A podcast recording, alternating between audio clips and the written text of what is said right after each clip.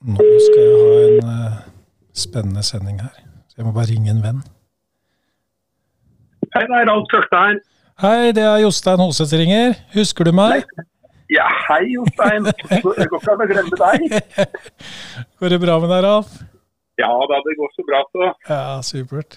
Du, jeg vet ikke om du har fått med deg, men jeg har jo starta med podkast. Å, det er jo inne i tiden, Jostein. Ja. Drivhuseffekt heter den. Og så har jeg, skal jeg ha litt sånn forskjellige mennesker på besøk. og Nå har jeg kommet til episode fem.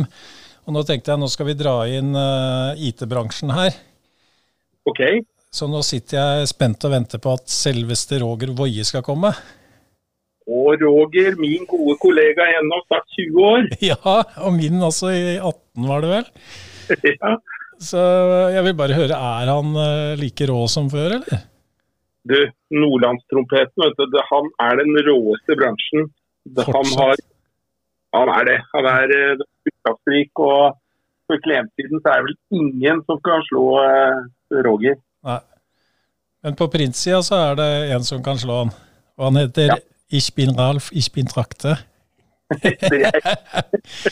han sa meg ikke der, det gjør det ikke. Men, eh, men, ellers så tror jeg nok at uh, Roger er uoversettelig uh, på, på, det meste innenfor IT. Så uh, artig å høre på ham. Alltid, han er kunnskapsrik, som sagt. Så, så, det blir en bra podkast, det tror jeg. Mm. Det blir spennende. Så prøve å grave litt i hvem han er og personligheten hans og sånn. Så det blir spennende for oss som tror vi kjenner han nå. Kanskje vi finner noen nye sider ved han. Ja, det er ikke umulig. Han er en åpen, herlig fyr, så det, du får nok fram det meste, tenker jeg. Ja, og Så må vi jo innom uh, uh, Latter når vi opptredde der, husker du det? det må vi innom og høre åssen han opplevde det. Det var ja, må... ja. ja. Men du, jeg håper kanskje en, en vakker dag så kommer du som gjest òg, Ralf, for du har jo en utrolig spennende historie selv. Du, det hadde jeg takka ja til, Stein. og hadde vært kjempespennende. Ja, koselig. Du, Da ser vi hva vi klarer å få ut av Roger Woie først, og så prates vi plutselig. Jeg er glad i deg. I like måte. Og hils Roger så mye, da. Skal gjøre det. Ok, ok, Ralf. Ha det bra. Ha det godt. Hei. Hei. Shut up and sit down.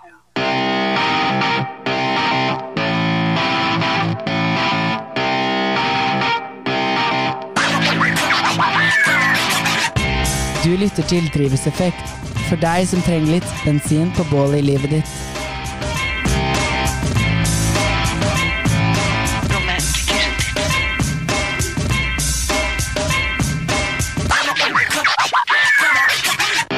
Denne podkasten er levert av Inforegi AS. Shut up and sit down. Å, herregud. Ja, nei, man skal jo ikke bruke kraftuttrykk i starten av en, en podkastsending, men dette tror jeg blir en høydere sending, kjære lytter. Jeg har jo hørt på en del podkaster, jeg også, og da har jeg hørt, lærte han Jan Thomas at du skal ha sånn shout-out. da. Du kan ha det først.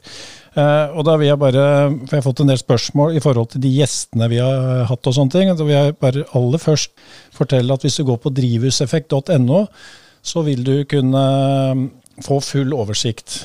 Der kan du finne ut hvilke sosiale medier vi er på. Du finner hvilke kanaler du kan lytte på Drivhuseffekt. Det har du sikkert funnet ut av siden du allerede hører på oss nå.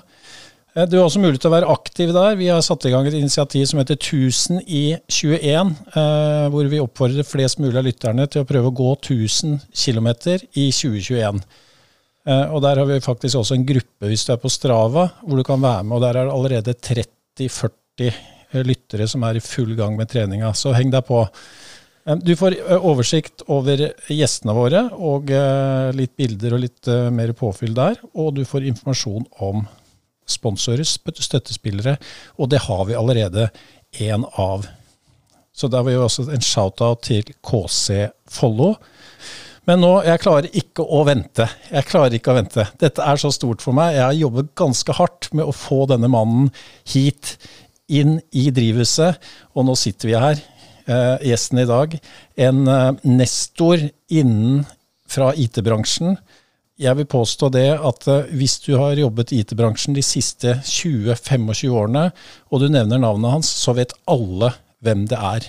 Han er en av Norges desidert råeste selgere, account managere. Han har levert jeg vet ikke hvor mange titalls tusen, eh, kanskje hundretusener av PC-er. Har du gått på videregående skole eller i skoleverket og sittet med en PC fra HP, så har Roger hatt en hånd på det. Kjære lytter og kjære Roger, hjertelig velkommen til denne podkasten. Tusen takk, Jostein. Var det en litt lang intro? Ja, det blir jo opp til lytterne å bestemme. Ja, får håpe ikke vi mista dem, da. For det er nå det begynner. Altså Roger Woie Ja. fra Bodø. Ja. Ja. Mange som vi hørte, eller mange vil også kalle deg Nordlandstrompeten. For det, du bruker det selv også. ja, det var vel jeg sjøl som kom på det navnet. Hvorfor det? Eh, Nei, eh, det var vel en som kalte meg det eh, en eller annen gang jeg sto i en uh, samling, og så snakka han om Nordlandstrompeten er jo via Petter Dass. Og så tenkte jeg at eh, nei, det passa sikkert bra på meg sjøl. Og så tok jeg nordlandstrompeten at hp.com i 1998, tror jeg jeg lagde den Ok, så, så du kan faktisk sende en e-post til nordlandstrompeten at hp.com, Ja, og da kommer den til Roger Woie. ja, det er riktig. Roger, vi har en, jeg, jeg, jeg blir så glad og litt sånn melankolsk nesten av å ha deg i drivhuset, fordi du har jo vært ved min side i hele denne. Jeg var jo 18 år selv inne i dette sirkuset. Du, men du var jo der før meg òg, men du var alltid ved min side eh, på den gangen. Og vi har gjort utrolig mye fint og gærent sammen. Ja, jeg blir jo glad å komme på besøk til deg, og jeg har ikke vært i drivhuset ditt før. så er på, Jeg har jo vært invitert flere ganger, men det har jo ikke passa seg sånn, så det er kjempehyggelig å komme til deg òg, Jostein. Ja, det det, var bare på- glede. Det var på tide. Eh, Så vi skal jo tilbake. Så hvis du er litt interessert i salg, business, markedsføring og gamle dager og IT-bransjen, så er det bare å henge seg på denne podkasten. Så det, det tror jeg kommer til å bli spennende. Ikke bare for oss, men også for eh, lytteren. Eh, Roger, eh, Nordlandstrompeten fra Bodø. Hvor lenge har du vært i denne IT-bransjen? Ja, jeg begynte jo, kom jo utdanna som tekniker ned til Oslo i eh, 87, og begynte som servicetekniker på printere og PC-er. Ok, så du, Hvordan skole tok du da? Ble du Nei, det var jo eh, fire år med videregående, men det var jo ganske nytt. altså. Jeg tok jo to videregående å, før og etter militæret, og så var det teknisk utdannelse i militæret òg. Ja. Så, Så det var jo tekniker jeg skulle bli. ja. Og det var det du begynte som? Ja, ja. Hva var det du skrudde på da, liksom? Nei, det var jo PC-er og printere. Det var jo uh, I den tida så drev vi jo faktisk og lodda på hovedkort, noe som er helt utenkelig i dag. Ja. Hvor mye kosta en PC da?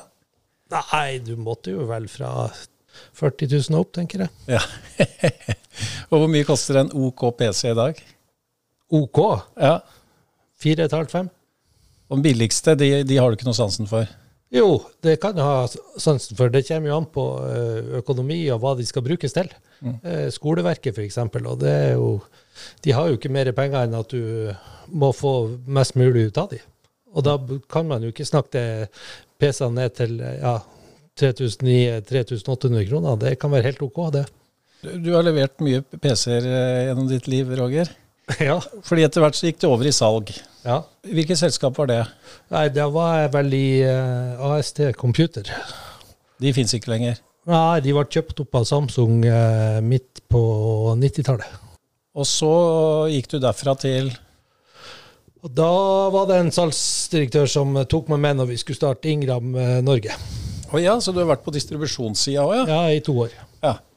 Og så kom du da over til en uh, Ja, og Da ringte Hoppe meg etter to år der og spurte om jeg skulle ha jobb der. da. Hoppe, altså Hewlett Packard. Hewlett Packard. i den tida. Riktig. Og jeg kom jo inn i denne bransjen på var det 7-98, og jeg begynte i, i Compact Computer. Ja. Uh, men så slo disse to seg sammen. Ja, og det var jo vel der vi traff hverandre. Ja. og jeg husker det? Da jeg traff det, jeg husker jeg var så glad for eh, altså En av hovedgrunnene til at jeg var glad for at vi slo oss sammen, var at jeg slapp å konkurrere med deg. For du var jo en råtass der ute. Ja, men det var jo en kjempeglede å bli treffet deg òg. Husker du hva du sa til meg første gang? Jeg er glad i deg. Nei! det var vel litt tidlig. Hoppe. Nei, vi kom jo fra hoppe fra partneravdelinga og skulle opp. Det ble jo litt sånn skifting. Noen skulle ned til hoppe på Bryn, og noen skulle opp til Compact, eller på Skøyen, og noen skulle opp til Compact på Bryn. Og så kom, var det jo kontorer der oppe. Og da var, kom jeg akkurat ut i gangen med ryggen til, og så sa du nei, en til med ryggsekk. så det var bare jeg og du som gikk med ryggsekk i den tida. Resten for rundt med sånne her, eh, do, dumme lærtasker. Ja, de gikk med tasker og fine dresser og sånn. Ja. vi gikk i ryggsekk og løp ute i markedet og høvla over det. Ja, det, nei, det husker, Det husker jeg jeg veldig godt. Ja, det, det, og det, det illustrerer vel litt deg som type, Roger, at du er mest opptatt av å få til ting. Og da tenker jeg at det er fint at vi kanskje går på den psykoanalysen med en gang, for å liksom eh, grave litt inn. Og da har, vi, har du sagt hei til Surulv. Hei, Surulf. Har du noe forhold til ulver? Nei, la oss ikke ta den diskusjonen i dag. Det har vi ikke tid til. Nei, ikke når Surulv sitter der, da. Nei. Så jeg lurer på om vi tar den med en gang, eh, for å finne ut hvilken personlighet Roger Woie har.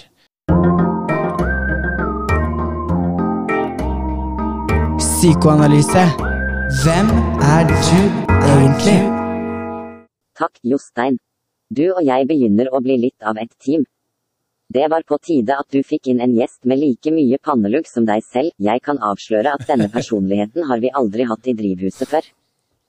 Verken gruppen eller typen, han er kategorien utforsker. Personligheten er gründer, også kalt aktivitetsleder. Gründere utgjør bare 4% av befolkningen. Så det er akkurat nok av dem der ute til at ting holdes spennende og konkurransepreget, men ikke så mange at de forårsaker en risiko for samfunnet. Roger har den personlighetstypen som mest sannsynlig vil gjøre risikofylt atferd til en livsstil. Han lever i nuet og stuper inn i handlingen. Hva sier du til det, Roger?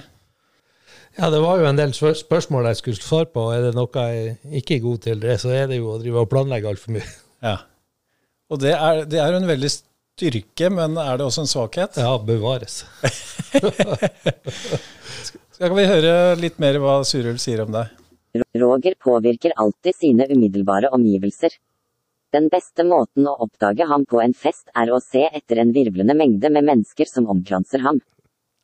Roger elsker å være midtpunktet og ler og underholder med en jordnær humor.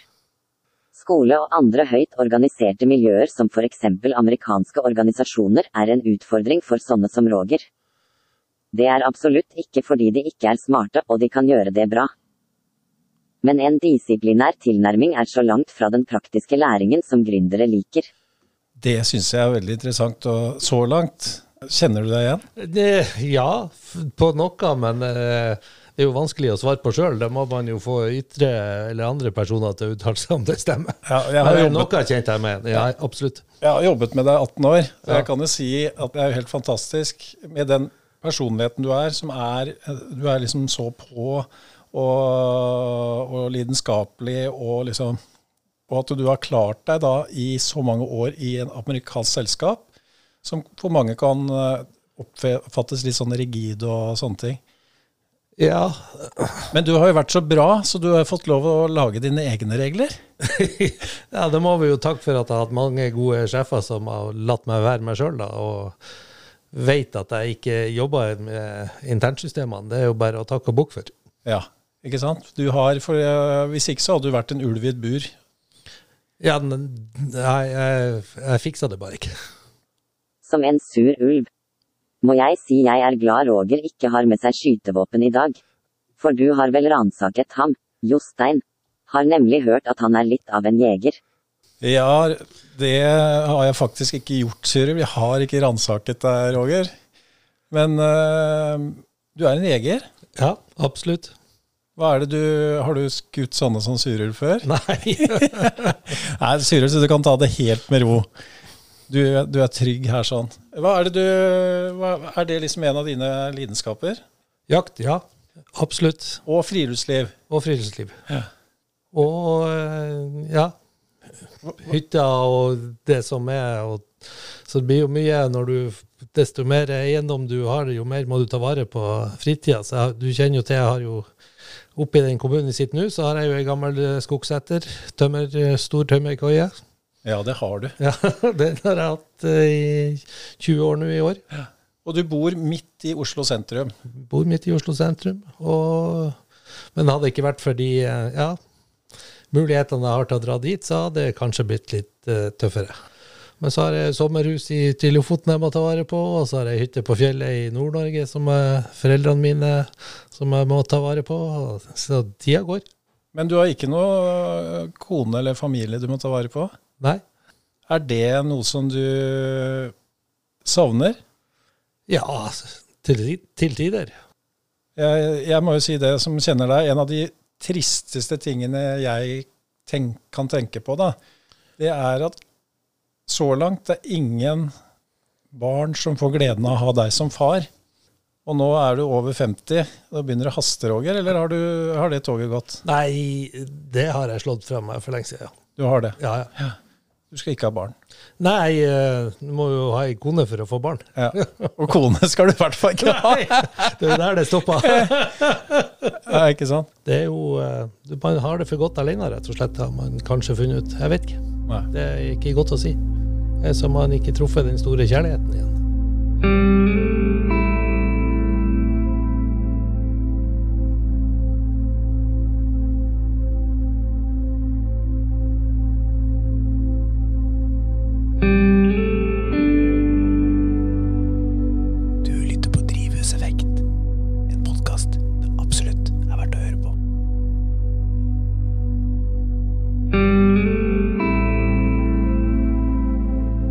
Jeg har et inntrykk av at du er verdensmester på å være alene og ikke ensom.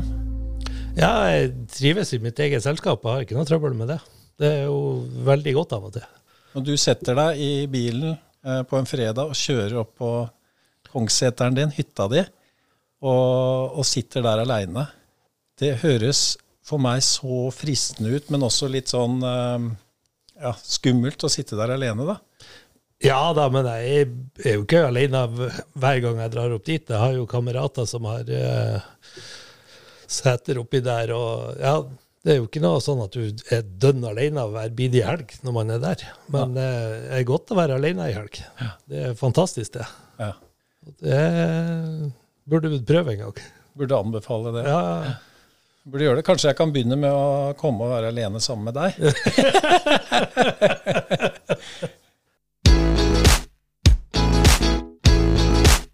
Denne podkasten er presentert av Inforski. Vi gjør en forskjell i den norske skole gjennom viktige artikler i Foreldrepulsen. Vi leverer også målrettet innhold til infoskjermer i grunnskolen, VGS og høyskole. Hos oss får alle uforpliktende test og tre timers oppsigelsestid.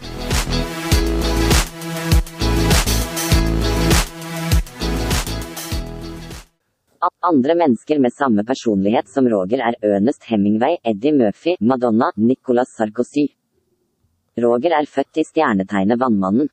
Da sier Ljog som Fleksnes. Det var det. Tusen takk, eh, Du gjorde en kjempebra jobb denne gangen også.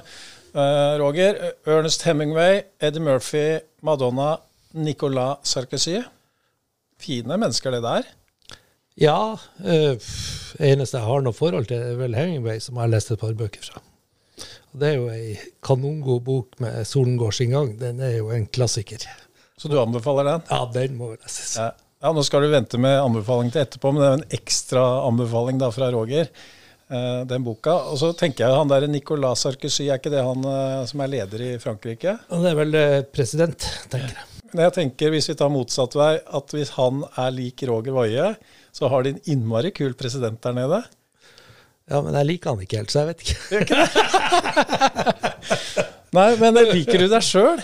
Hvis du skulle se på deg selv utenfra Nei, Nei, det- er jo uh, vanskelig å si. Det, Ja. nei, det må jo være uh, Nei, det kan jeg jo ikke uttale meg om. Det blir bare ja, Har du mye fiender? Nei. Nei. Ingen?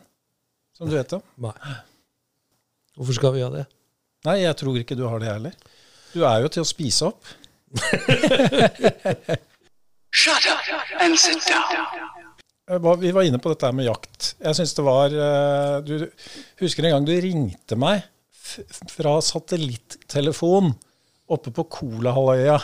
Så du, det er ikke, du, du drar, drar ikke bare til hytta di, men uh, fortell litt om den uh, turen, eller? Nei, det var jo en en fisketur, da, som vi fant ut. Uh, og du er jo en likende kar, da. Da at vi jo hadde det morsomt å ringe Jostein, fant vi ut, via satellittelefonen på Kolaløya. Det var jo ikke På Kolaløya, så da tok dere fly, da? Ja, det var jo uh, Nei, det er jo helikopter ut dit fra Murmansk. Ja. Hvordan var det der ute? Ja, det er helt fantastisk. Der er du ti dagsmarsjer fra nærmeste menneske, og da bor du alene der ei uke. Ja. Og det er jo Å bo noe tettere på naturen da, det fins jo ikke. Det er utrolig. Mat. Din favorittgrønnsak, frukt og livrett. Nå er jeg veldig spent på hva en nordlandstrompet foretrekker på bordet. Er mat viktig for deg, Roger? Ja. Kulinariske opplevelser, det liker jeg. Er du flink? Men ikke noe sånn eh, kulinarisk kokk. Det er jeg ikke. Nei, men du lager, lager du deg middag hver dag og sånn? Ja. Ja, altså laga og laga. Jeg bor jo midt i Oslo by av en grunn, da, så det er jo lett å gå ut og spise òg, da. Ja. ok, men uh, la oss høre, da. Hva er favorittfrukten din? Nei, eh, det var jo en av de tingene jeg skulle forberede meg på. Og frukt det er altfor dårlig til å spise. Det innrømmer jeg. Fem om dagen er helt fjernt. Jeg er ikke i nærheten. Og da lå det noen mandariner på bordet hos meg. eh, Så da Ja, det må bli Det er det enkleste å spise, og det beste, tror jeg. Ja. Og det er jo sånn en gründer, eh, din personlighet. Det er jeg lå på bordet, og da skrev jeg det. det Ja, for den er god. Ja. Så du har ikke noe mer forhold til det enn at den Nei. nei. Enig. Nå har jeg faktisk én mandarin her, så den skal du få etterpå. Takk. Ok, Vi dveler ikke noe mer med det, men grønnsaker, er du like dårlig på grønnsaker? Nei, der er jeg bedre. Det er, grønnsaker spiser jeg vel eh, fem av syv dager i uka, i hvert fall til middag, tenker jeg. Bra. Nå er jeg utrolig spent på hva favorittgrønnsaken din er. Asparges. Asparges! Jøss! Det var- Den lå ikke på kirkebenken, Roger. Nei, den lå ikke der, men det er by far Men det må jo lages riktig, da. Ja. Jeg blir sur når jeg kommer og får ihjelkokte asparges. Da Aspargesen må behandles med lite varme, og i, helst i stekepanna med litt smør, salt og pepper, og så vidt fresa nedpå, så er det perfect. Men hva, hva mener du med så vidt? Jeg er litt sånn som steker i hjel ting. Ja, nei, la oss si at det ligger der eh, avhengig av varme, da, men maks ett minutt. Mm. Og ruller seg litt, og så blir det etter koker òg, vet du, det du får de på. Akkurat. Så de må du være forsiktig med. Etter min smak. Ja, men, de, De skal være litt hardere al dente. ja, men hva, hva Jeg bare peker på fingeren til Roger. Du, Sitter og slår i du sitter og slår sånn, og det kom, tror jeg kommer inn på lyden. Ja. Men du, eh, hva kan du liksom servere asparges til?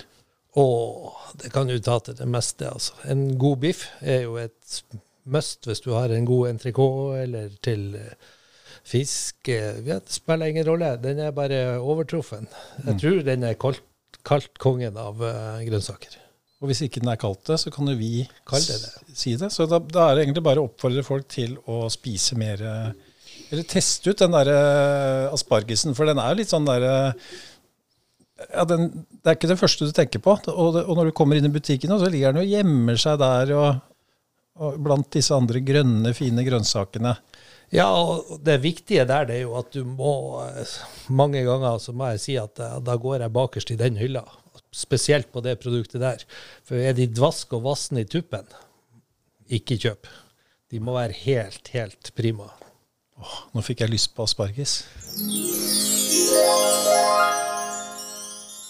Og nå, Roger, eh, du er jo født og oppvokst i Bodø. Er du sånn Bodø sentrumkar, eller? Eh, nei, ikke etter jeg var vel fem, når fattern og mutter'n bygde nytt hus, fem-seks år eller noe sånt, før vi flytta ut av byen og med i vanlig bolighus. De bygger felt. Hva var det de holdt på med? Fattern var eh, selger og eide en eh, forretning som solgte traktorer. Ja. Og uh, morsan var uh, radiolog. Eh, Ta litt snikreklame. Hvordan traktor, Hva er den beste traktoren, Roger? Ja, det må jo vi Massey Ferguson. Det er vanlig and only. Ja, der er jeg uenig, da, for jeg er sånn John Deere-type. Ja, det ser jeg på deg. Vi ser vel litt sånn traktortype begge to. ja. Jeg må jo si til lytterne at jeg er jo så glad når jeg kommer til Jostein. Han er vel det kanskje eneste som jeg kjenner som er lik meg. Når jeg kommer dit, så ligger det ei motorsag og bensinkanne på trappa. Da blir jeg bare glad. Altså. Jeg la den fram for at du skulle føle deg hjemme. Nei, det gjorde du ikke. Nei da, jeg ikke det. Ja, det er herlig. Og mora di var radiograf. Ja, Det er sånn som tar røntgen. det er helt riktig. Ja. Derfor så bodde dere i Bodø. Og nå har vi hatt noen sånne tidligere episoder, og det har vært veldig mye overraskende, syns jeg. Da. Men eh, jeg tror to, to av tre så langt har sagt fisk som sin livrett. Og det, denne gangen venter jeg det kanskje, da, siden vi er oppe i Nordland og sånn. Men hva sier en nordlending er livretten? Nei, jeg, jeg tenkte på det punktet, Jostein. Altså, det er klin umulig å si én. Jo, du må det. det er, jeg vi er streng strenge her. Eh, Ja, men Da sender jeg surulv på deg. surulv? Åh, nei, Siste måltidet, Roger. ja. Du får vite at uh, i morgen så er du ikke mer. Du får bestille en middag her og nå. Hva bestiller du? Ferskfisk, lever og rogn. Altså under skreifiske i februar-mars. Å, der kom den. Der kom den. Så det, eh, vi sier det litt sakte, altså fersk fisk Ja, fra skreifiske, ja. henta på brygga, Nei, du fisker den sjøl. akkurat, Det er jo halve greia. og lever og rogn. Lever og rogn, ja. Det er jo en greie som jeg har med kompisene mine oppe i eh, Bodø. Vi er jo eh, hvert år i sju-åtte år nå, så er vi eh, fem-seks dager i Lofoten. Og så er vi ute og fisker i fem dager til ende. Og den første dagen så er det alltid ferskfisk, lever og rogn. Men hva er forskjellen på torsk og skrei? Skreien er den som kommer fra eh, ishavet eh, hvert år til Lofoten for å gyte. Og som er grunnlaget for eh, Men endrer den navn underveis? Altså blir skreien torsk? Nei, det er, det er- en egen torskeart. Det er en egen torskeart, ja. Ja, ja. Som er mye, mye større og fastere, kanskje litt fastere i fisken, tror vi nå sjøl, i hvert fall eh, idet den kommer eh, ned til Lofoten fra gyt. ja. Fordi du har også sted på Lofoten, du. Ja. Når skal du flytte dit, da? Jeg kommer vel ikke til å flytte dit, men eh, det blir vel en eller annen gang i pensjonistenes rekker at man får tida til å bruke det mye mer. Nå blir det jo stort sett bare kanskje to uker på sommeren, to-tre uker. Ja, det stemmer. Du var, vi var der oppe en gjeng, og da var ikke du med. Men du vet at jeg har vært og sett på det huset og tissa på det?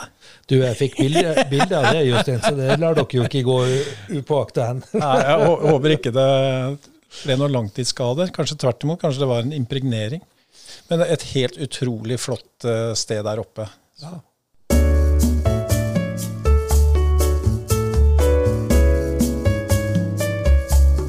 Reklame. En kommunikasjon av idé, budskap eller produkt. Reklame, Roger, det har du et uh, forhold til. Vel, uh, selvfølgelig reklame og salg og markedsføring og mange påstår jo det hører tett sammen. Og det er klart å selge PC-er og reklamere for PC-er, det har man jo drevet med i lang, lang tid. Ja, og du ble også kåret til eh, Du fikk en sånn ærespris også, du, håper jeg. Ja, jeg gjorde det. Det misunner jeg deg nå Ja innmari. det, det, ja, det er vel kanskje den største hederen jeg har fått. Ja. Det var stort.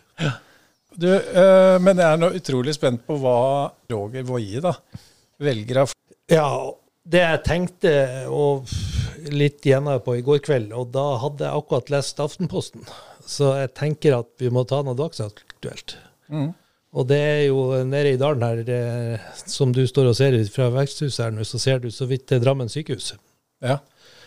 Og de personene som jobber i frontlinja der, eh, og mennesker som jobber på sykehus nå, som står midt i det når de har fått et utbrudd, det noe større helter, det finnes ikke. Nei. Det syns jeg er bare helt eh, ekstremt bra, rett og slett.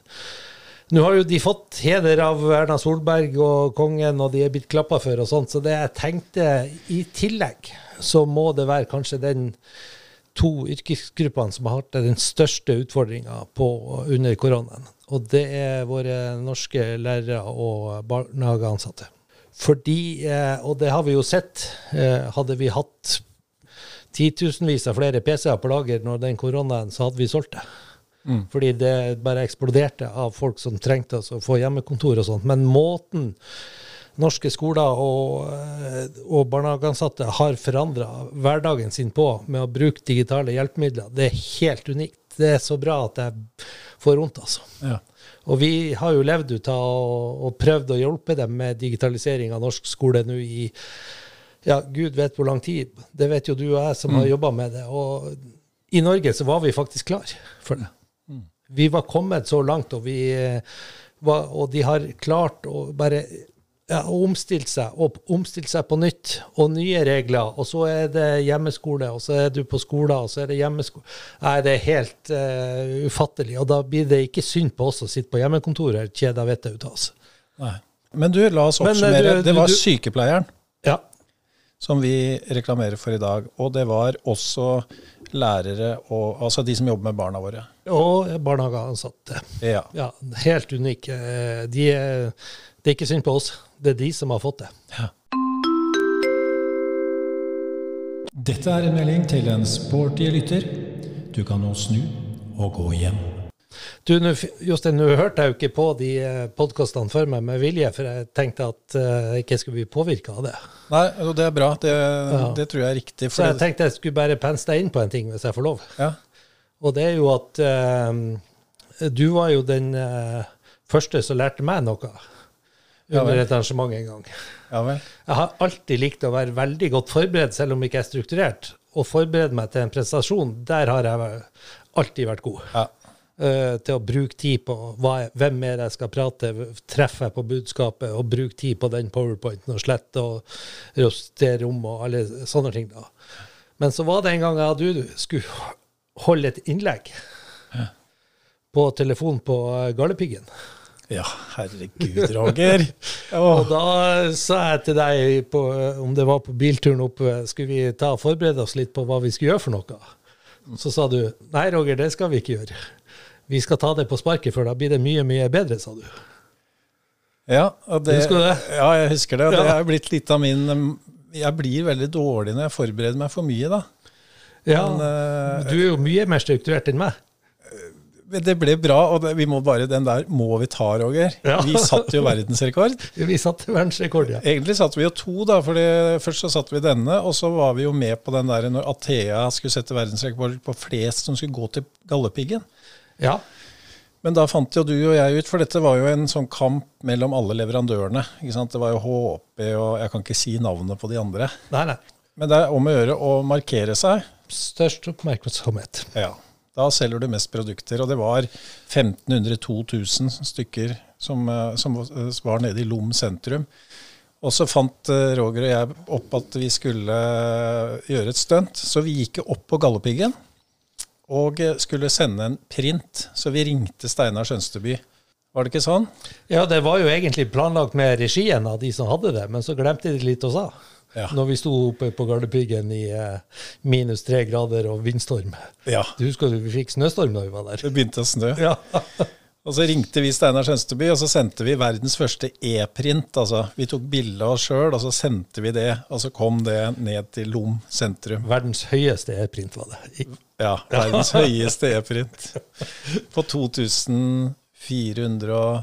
2460 Er det ikke noe sånn 246? Ja. det var i hvert fall veldig høyt, og det var kaldt.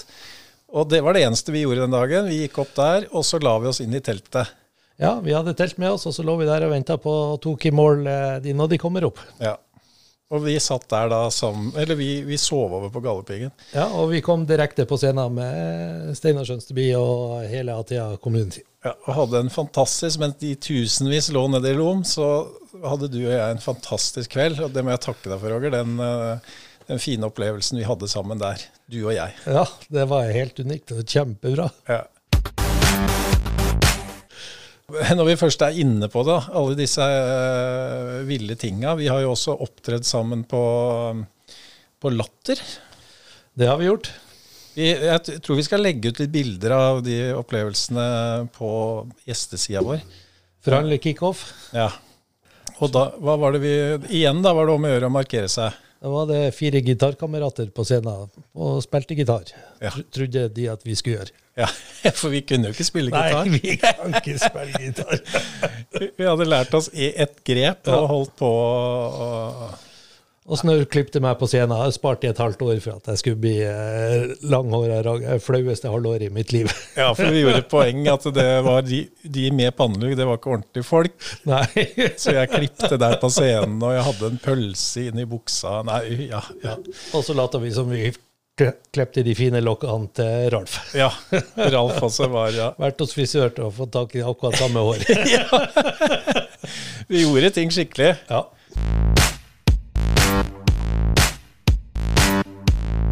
Du lytter til Drivhuseffekt, for deg som trenger litt bensin på bålet i livet ditt.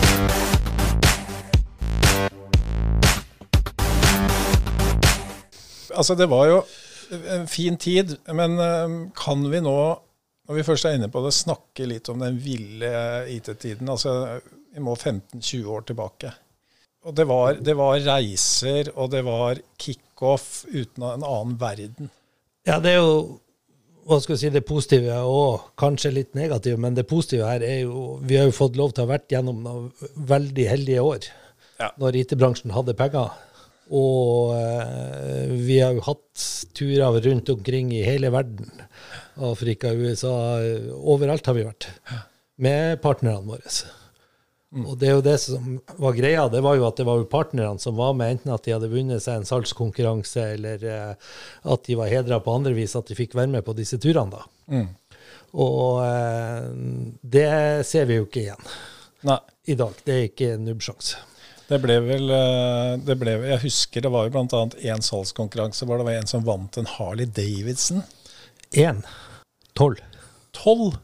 Vi hadde salgskonkurranse hver måned. Vi hadde kjøpt kjøpte inn tolv Harley Davidson. Vi var Nor HP var Norges største forhandler av Harley Davidson. Sto på forsida til Federlandsvenner i Kristiansand, hvor importøren holdt til. Ja. Men den, det ble jo beskatta. Så der var det noen som ikke hadde råd til å ta imot premien min, var det ikke det? Det, altså, det som var greia, det var jo at det var salgskonkurranse. og så sånn som det var i den tida, så var det nok at vi eh, skriftlig fikk de til å skrive under på at de måtte oppgi det sjøl. Ja, ikke sant. Nå er dette foreldet, så da kan vi jo snakke om det. Ja da, og det, vi har jo prøvd å holde oss. Det var jo aldri sluttkunder eller, de som, eller offentlig tilsatte eller noe sånt med på det her. Det var jo eh, partnerprogrammer og sånt. Ja. Vi hadde jo forhandlerkickoff hvor vi leide skoleskipet Sørlandet og Kristian Radich samtidig. Ja. Og seilte Ferdeskjelasten i lag med konkurranse med, og booka hele honnørbrygga nede i Horten når vi kom i mål. Longside på kaia med øltappeanlegg om bord. Det sto jo mer folk og så på hva som foregikk i de to båtene enn det var eh, festene på kaia. ja, det var bare IT-bransjen? Altså PC-selgere? Ja, servernettverk, hva det måtte være, og skrivere og alt det. Nei, det var ei fantastisk tid. Ja. Altså, jeg husker jo selv, jeg var jo i Monaco. Eh, på båten til han Tottenham-manageren. Og der var Kjell Inge Røkke, og vi sto der og så på Formel 1. Det var helt surrealistisk hva vi fikk være med på. Du, du har, har, du vært i Afrika òg, du kanskje? Ja da, det har jeg vært. Ja. Sett alle. Det fikk jeg aldri med meg. Det, det er jeg også litt bitter på. ja, Afrika er spesielt. Det Uh, ja, nei, det, vi er bare glad vi fikk være med på det, rett og slett. Ja. Men du, eh, jeg vil ikke slippe det helt, for det var også noe sånn der kickoff nede på Det var noe som var leid inn Det var jo artister også? Ja. Altså, altså, man fløy over Var det Beach Boys, eller? Det tenker jeg var noe comeback rett før vi eh, slo oss sammen, hvis ikke jeg husker feil. For det var ikke noe HP-saker. For dette var jo comeback var jo litt bedre enn HP på akkurat dette her. Ja, det kan jo godt hende. Det var jo en konkurranse. Jeg husker jo det var en av accountmanagerne våre som hadde med seg eh, en gjeng på tur. De skulle ut og gå en sånn liten skogstur. da. Og så kom de på et eller annet sted, dette er jeg blitt fortalt, og da var alle tørste. Og så sa han nei, nå er det på tide med noe drikke. og så klappa han i hendene, og så kom det et helikopter som landa foran dem, og så slapp ned bare en kasse og, og forlot stedet igjen. Vet du hva som var oppi den kassa? Nei. Gin tonic. oh. Ja, nei, det var vilt. Men hva, hva tenker du i forhold til Det er jo bra at det er borte. Nei, altså Det er jo to ting. Det ene det er jo at eh, pengene til markedsføring eh, er der ikke lenger. Det er jo eh, det ene tingen. Og det andre er jo at eh, skattemyndighetene i Norge, eh, med rette, eh, i starten av 2000-tallet ble jo mye strengere på hva man kunne gjøre for noe eller ikke. Ja, for det, det er vel egentlig litt bra at det er blitt sånn. For jeg, jeg, jeg har jo tenkt på i ettertid at uh, disse selgerne som vi drev og påvirket, da, med gin tonic, turer Jeg tror a-ha ble leid inn også, på et tidspunkt. Ja, det Det var tankbiler med øl. Det var sirkustelt på Rådhusplassen. Det var uh, turneringer oppe på Ekeberg.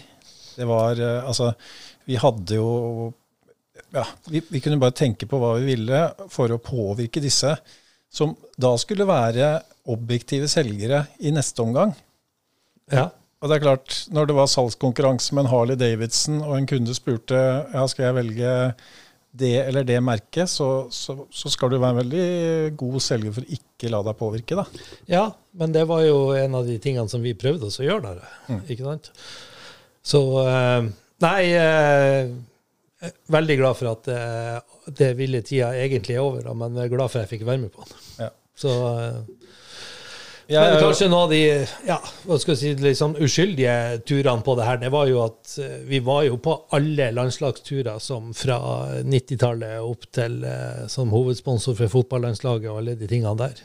Så det var jo sånn jeg ble kjent med HP sjøl òg, hvor jeg som da distributørselger ble invitert til eh, fotball-EM i 96 og ble kjent med de folka der, da. Da var vi på semifinalen og finalen i London. hva, hva, ja. Det er utrolig hva man har fått oppleve. Jeg må jo si at En av grunnene til at jeg slutta i den bransjen, var jo at dette ble borte.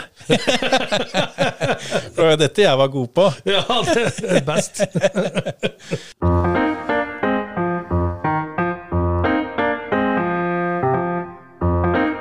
Anbefaling. En spesiell kulturell ting du er besatt av.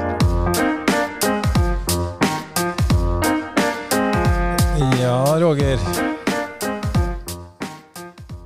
Anbefaling. Og her igjen er vi strenge, da. Du får bare lov til å anbefale én ting. Det kan være en, eh, en kulturell opplevelse, et bilde, et dikt, en bok. Et eller annet som du vil anbefale alle disse lytterne. Og lyttertallet i denne podkasten er stigende, så nå har du makt, Roger. Og det, det, er- ja, Du er ikke god med oss, Jostein. Det er vanskelig, det der. Men eh, til slutt, det sto mellom to ting, så landa jeg på eh, ei bok. ah, ok. Og den heter 'Papillon'. Skrevet av Henry Carrière Papillon. Ja. Som eh, Papillon er da sommerfugl på fransk. Hva kaller navnet hans. Så fint. Den har ikke jeg lest, og jeg gleder meg allerede. Ja. uten at du har fortalt Er det noe du vil fortelle om for ikke, Du må ikke spoile her nå, da. Nei, nei, spoil skal jeg ikke gjøre. Eh, Jeg har lest boka to ganger, og er 24 år siden jeg leste henne sist. Og første gang var jeg 19. På tide å lese den igjen, da. Ja, jeg har eh, sagt til meg sjøl at eh, det skal jeg kose meg med den dagen jeg slutter å jobbe og blir pensjonist. Så skal jeg gyve løs på henne en gang til. Er det en slags sånn bibel eh, Eller en sånn Nei, eh, men det er en ja, kall det, det er en bibel for den som liker mennesker med pågangsmot. Som aldri gir opp. Wow. Eh, Men forordet til boka det er jo eh, ikke skrevet av en forfatter. Det er skrevet av en eh, opplevd hendelse av et menneske som er urettferd, så jævelsk urettferdig behandla i verden, og havna i fengsel og til slutt på Jævløya. Hvor han skrev hendelsene sine ned, hvor uh, forlagssjefen bare rett og slett skriver at han, første gang han leste det her, og hadde lest fire sider, så var han helt sikker på at det var skrevet under et pseudonym, for dette var en erfaren forfatter. Han hadde aldri skrevet en, en setning i sitt liv. Yes. Har han skrevet noe mer etter dette? Ja, det har jeg gjort, men den er ikke mye, altså. Men eh, det her er bare unikt. Og det er rart du ikke har hørt om den. Den er jo en eh, Det er mulig du har nevnt den for meg før òg. Ja, det kan hende at jeg har gjort. Men jeg har ikke lest den. Ja, det må du gjøre. Den er jo helt vansinnig for uh, opplevelser, og hvor bra skrevet det er. Ja, du, og det, det, det må jeg bare si at den spalten her, den, eh, det, det er en kraftig spalte. For hvis du går tilbake og lytter til disse episodene, da, så er det utrolig mye bra eh, anbefalinger der. Og jeg er jo i gang med den. Jeg driver nå med anbefalingen til Sjur 83 år og leser noen bøker der. Og så skal vi videre, og så skal jeg til eh, UNN. Og det må jeg si, selv om ikke du har hørt episoden, da. Om du, fordi hun valgte å anbefale et sted. Og hun anbefalte Vesterålen. Oi! Ja, det var derfor eh, det ble noen diskusjon rundt Lofoten-Vesterålen på eh, Ja, for jeg spurte er, er For da la jo jeg en litt reklame for Lyder, en felles venn av oss, og Ja. Joker Stamsund. Ja. Eh, Og så snakket Unn og jeg om er Stamsund i Lofoten eller Vesterålen. Og hvor er Stamsund? Stamsund ligger jo på Vestvågøya, midt i hjertet av Lofoten. Ja, det er Lofoten. Ja. Og du er jo også en sånn Lofotmann, da. Ja, men det er jo fint i Vesterålen nå. Det er jo ikke noe gærent der, altså. Nei. Jeg har jo en kompis som bor der oppe, og ja. Så du støtter deg til Unns eh, anbefaling der? også? Ja, bevares eh, Altså, å tro Altså, Lofoten er kjempefint, det, altså, men det er ikke noe feil med Vesterålen, for å si det sånn, heller. Altså, det er jo akkurat samme måten de er bygd opp på, men det er bare en De ligger litt nærmere fastlandet, helt i eh, Lofotrota, da, kan du si.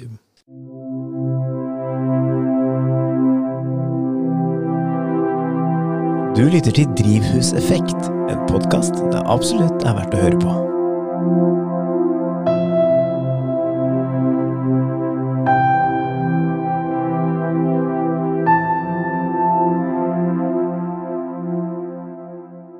Er du en myk mann? Det er vanskelig å svare på. Nei, jeg vet ikke.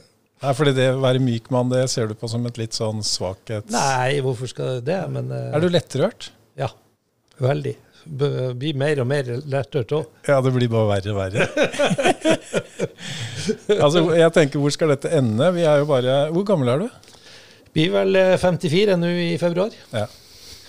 Og det, og det blir bare verre og verre, den lettrørtheten. Så snart kan man nesten ikke skru på TV-en eller uten å Nei, altså så gøy. Men det er jo spesielt det jeg blir veldig lettrørt på. Det er sånn eh, ja, idrettshendelser eller eh, noe som Ja, f.eks. Uh, Sukka som får en uh, en forbildepris i går på Idrettsgallaen og sånt. Da kjenner, det syns jeg Da blir jeg Det syns jeg er godt å kjenne på, rett og slett.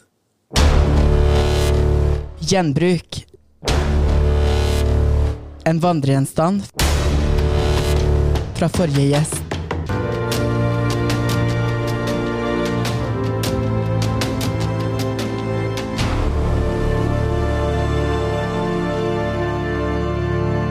Og der er vi kommet fram til gjenbruksspalten vår. Og nå skal du altså få en gave fra vår forrige gjest. Jaha. Er du spent? Ja. Du er veldig heldig. Jeg misunner deg som får denne gaven. Jaha. Nå skal jeg ta den fram, og så skal vi sende den bort til Roger. Skal jeg fortelle deg. Nå gir jeg Oi. en litt, Det er en rosa pose, Ja. så han får den nå. Og så åpner han opp. Skal vi se om han vet hva det er for noe. Der, ja. Der. Første reaksjon, Roger. Beskriv hva du føler.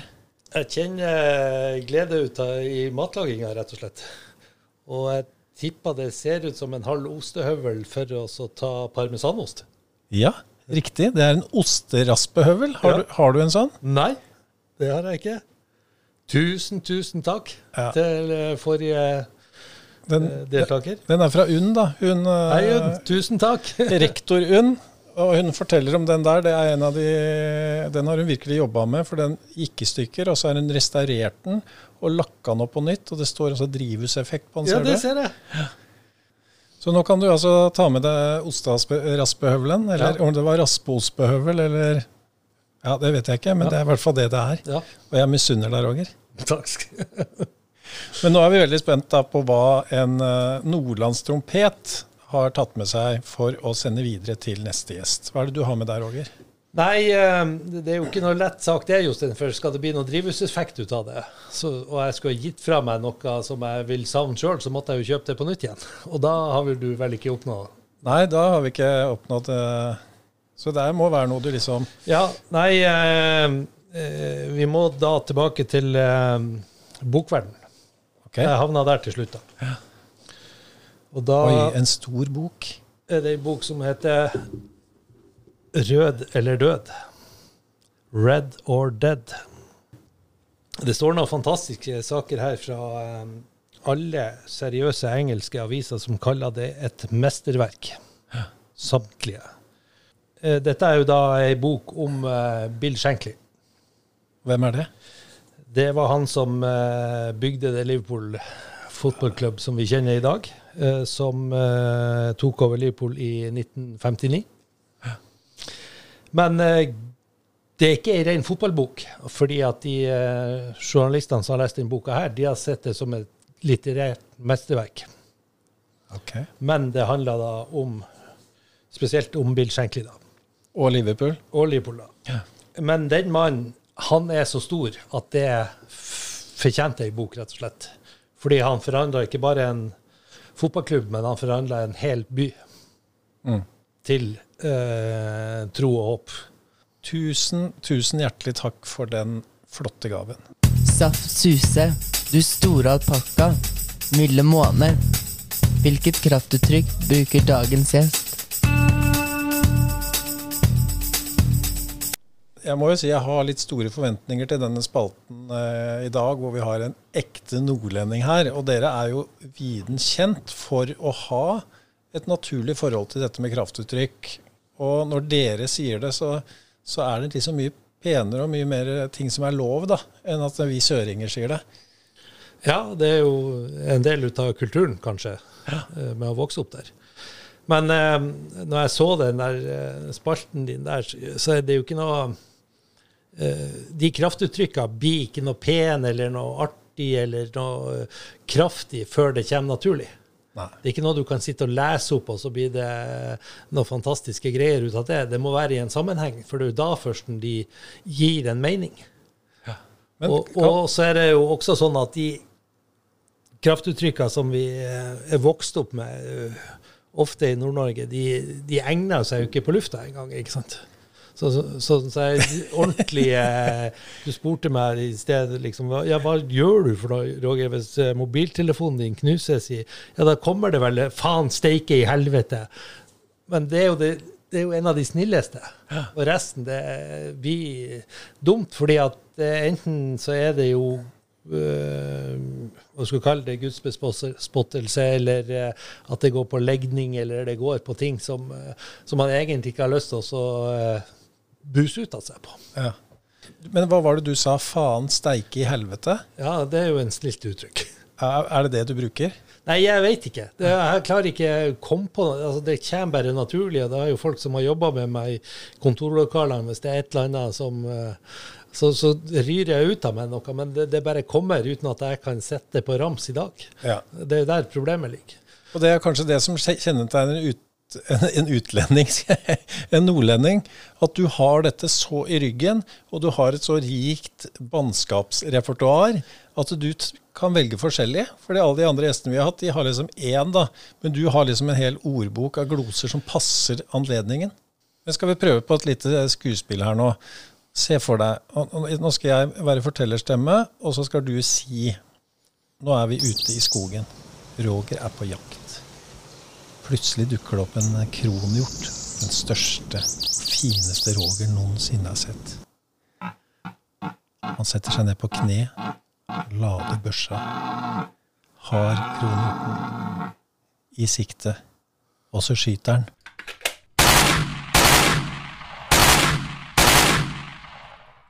Og så bommer du. Hva sier Roger Woie da? Så innst i det røde helvete!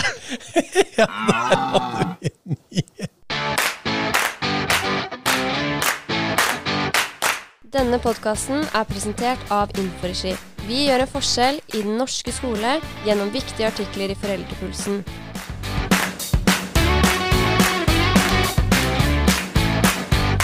Visste du at Inforegi gir liv til infoskjermer hos grunnskoler og videregående skoler i hele landet gjennom målrettede oppslag. Du velger tema, vi oppdaterer automatisk.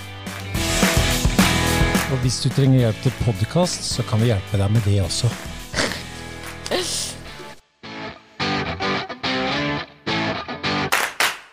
Nesten ingen har så lang fartstid og så mye erfaring fra denne bransjen som deg, Roger. Hvis du kommer ny inn i en bransje hvor du skal holde på med salg og markedsføring og sånne ting, har du et råd til disse menneskene? The rookies, hva sier du til de som kommer nye inn i, i din organisasjon? Nei, eh, det jeg sier, det er jo eh, noe som er ganske enkelt. Det er jo at uh, vi er jo der for en kunde, og uh, til, til, syvende og sist. Og det er jo i våre tilfeller to ledd. Det er en partner, og så er det en sluttkunde til slutt. Og du må forstå begge de to. Uh, hva som utløser kjøpet hos sluttkunden, og hva som utløser salget hos uh, forhandlerselgeren. Det er jo det viktigste man driver med. Og så er det, det punkt to som uh, man prøver å få de til å lære seg, at man må jo skape seg noen relasjoner hos selgerne der ute. Og der hadde jo vi tyvflaks med det vi var inne på, rett og slett. Med ja. det som vi kalte for re relasjonsbygging. Ja. Uh, og de kanalene har man jo ikke i dag, så da må man jo gjøre det på den harde måten. Og det er jo uh, ikke å sitte og maile og chatte, det er jo å plukke opp telefonen eller møte dem fysisk og bli kjent med menneskene man skal selge sammen med. Mm. Et godt råd. Ja. Enkelt, men det er ikke så lett. Og så er det det, det tredje som uh, er jo da å kunne sine egne produkter godt nok til at det skaper en verdiskapning for de to leddene. Mm. Der er vi kanskje ikke flinke nok, eh, mange i dag. Nei. Nei. for du må ha en verdi. Du kan ikke bare være hyggelig. Nei, det, selvfølgelig. Ingen kommer igjennom uten å ha en verdiskapning. For det er jo verdiskapning man selger. Godt sagt. Jeg håper dere lytter, dere som er uh, nye. Du, uh, når det en gang tar slutt, da, dette livet ditt dette spennende livet ditt. Hva vil du bli husket som eller for? Å, Jostein, nå er du vanskelig. Nei, at man var et godt menneske. Mm. Så enkelt og så vanskelig. Jeg tror du kommer til å lykkes på det, Roger. Vi nærmer oss slutten, men vi har én spalte til. Og da er det litt sånn der sceneskifte her, da. Og du får høre.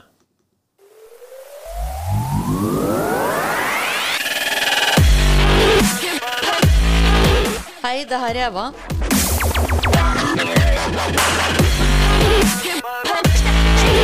Nå har mannen min spurt nok. Nå skal du få stille Jostein ett spørsmål. Og jeg forventer at han er ærlig.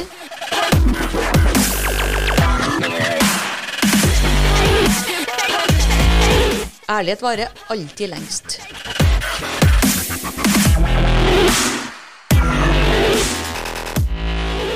Ja, Roger, nå er jeg veldig spent her, da. For nå er det din tur til å stille meg et spørsmål. Har du, eh, hvis du har et spørsmål, da. Ja, du må ikke ja, ja, Så jeg, skal, jeg lover å være ærlig. Ja. Jeg har jo egentlig eh, sikkert 1000 spørsmål til deg, Jostein, under en sånn spalte, men eh, jeg må jo ta opp noe som eh, jeg kom til å tenke på i, på tur i bilen ned hit. Det er jo at vi savna deg på, på, jobben, Jostein. Og jeg vet at eh, partnerne våre savna deg. Du har ikke lyst til å begynne å jobbe hos oss igjen i HP? Eh, Roger, du er, du er god, da. Det var jo uh, Skal jeg svare kort svar? Nei.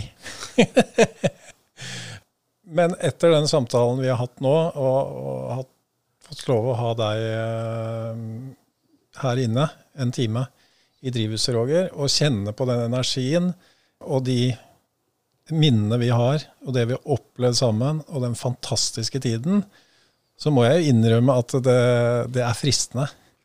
Men jeg vet at det er ikke sånn som det var. så, så, nei, jeg har ikke det. Men jeg savner deg, og jeg savner alle de flotte menneskene som vi var sammen med. Og du må love meg, Roger, å hilse så mye til dem og si at uh, jeg er glad i dem.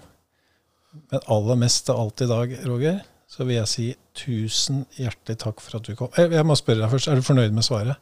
Ja da, jeg er fornøyd med det. Skulle ønske du sa, sa noe annet. Ja, ja.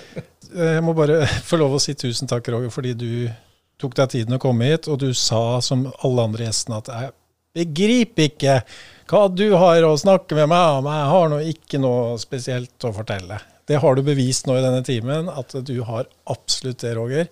Tusen takk for at du kom hit, for at du var åpen med oss, at du har delt fra ditt liv. Og eh, jeg gleder meg til å følge deg videre. Og det er bare én ting som gjenstår, og det sier at jeg er glad i deg, Roger. Tusen takk, Jostein. Er du glad i meg? Jeg er kjempeglad i deg. Tusen hjertelig takk.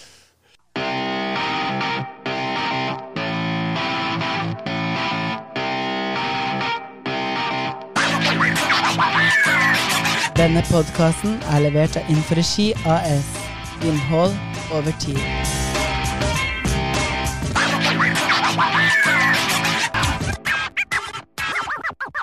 Shut up and sit down.